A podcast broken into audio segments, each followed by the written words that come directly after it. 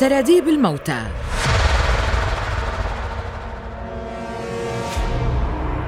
مدينة العشق والرومانسية مدينة العطور والجمال مدينة المسرح والفن ومدينة الحياة النابضة. أضواء وألوان من كل جهة. سحر يأسرك متى خطيت أولى خطواتك فيها.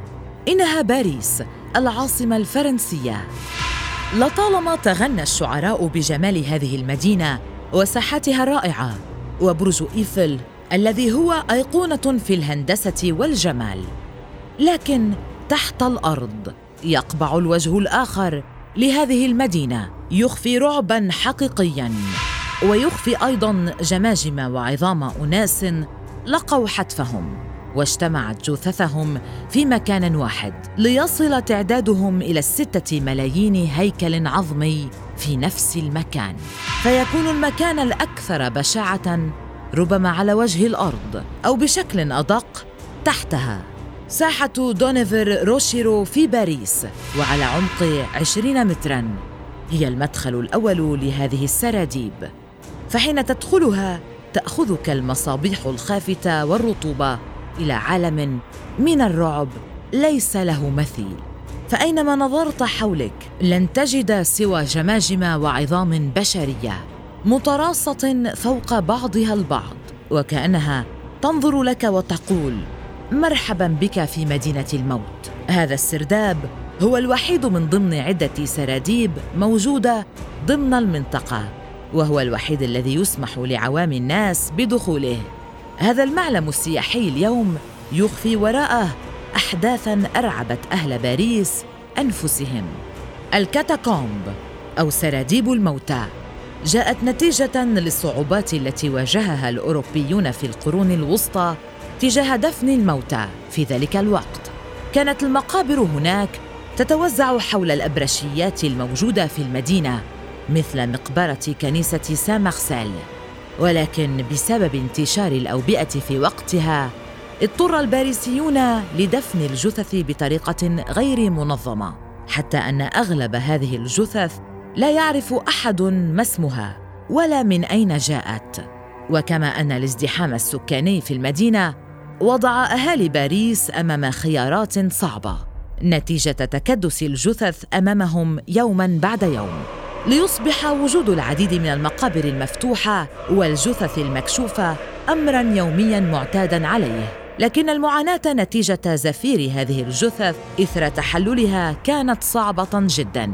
وصلت أنه في مرحلة ما كانت شموع المدينة تنطفئ بسبب المواد المنبعثة من الجثث المنتشرة فيها. في أواخر القرن السابع عشر كانت عمليات البناء في المدينة تنتشر بشكل واسع فكان هناك العديد من المقالع والأنفاق. وإثر معاناة الناس من الجثث في كل مكان قام ضابط شرطة باقتراح قد يبدو غريبا بعض الشيء وهو استخدام بعض من هذه المقالع لجعلها مدافن للجثث. فبدأت عملية نقل الجثث الأولى في العام 1785 حيث تم نقلهم تحت جنح الظلام في شاحنات سوداء وتم تكديسها فوق بعضها. وكانت هذه العمليات تقام خفية بسبب خوف العاملين من ردات الفعل العدائية من قبل الناس. في الحقيقة إن الرعب المطبق على المكان والصمت المخيف والرطوبة أدت بالكثير من الناس إلى الهذيان أو بمعنى أصح الهلوسة. فيقول بعض سكان باريس أنه عندما تغلق المحلات أبوابها تخرج أرواح الهياكل العظمية لتتجول داخل شوارع باريس. كما أن العديد من أصحاب المحلات المجاورة كانوا يجدون رسائل غريبة على أبواب محالهم نسبت إلى أن الموتى يريدون الانتقام لعدم دفنهم بطريقة لائقة. كما يقال أيضا أن الكثير من العمال الذين كانوا مسؤولين عن نقل هذه الجثث قد ماتوا أو قتلوا بطرق غريبة جدا. فأحدهم وجد في شقته رسالة مكتوب فيها سيكون الموت مصيرك وستأتي عظامك لتصطف معنا. كما أن الهلوسات التي حصلت للعمال وقتها كانت مثيرة جدا. فمنهم من كان يمر بالسرداب ويحدث الجثث ومنهم من كان يدعي أنه جثة منهم.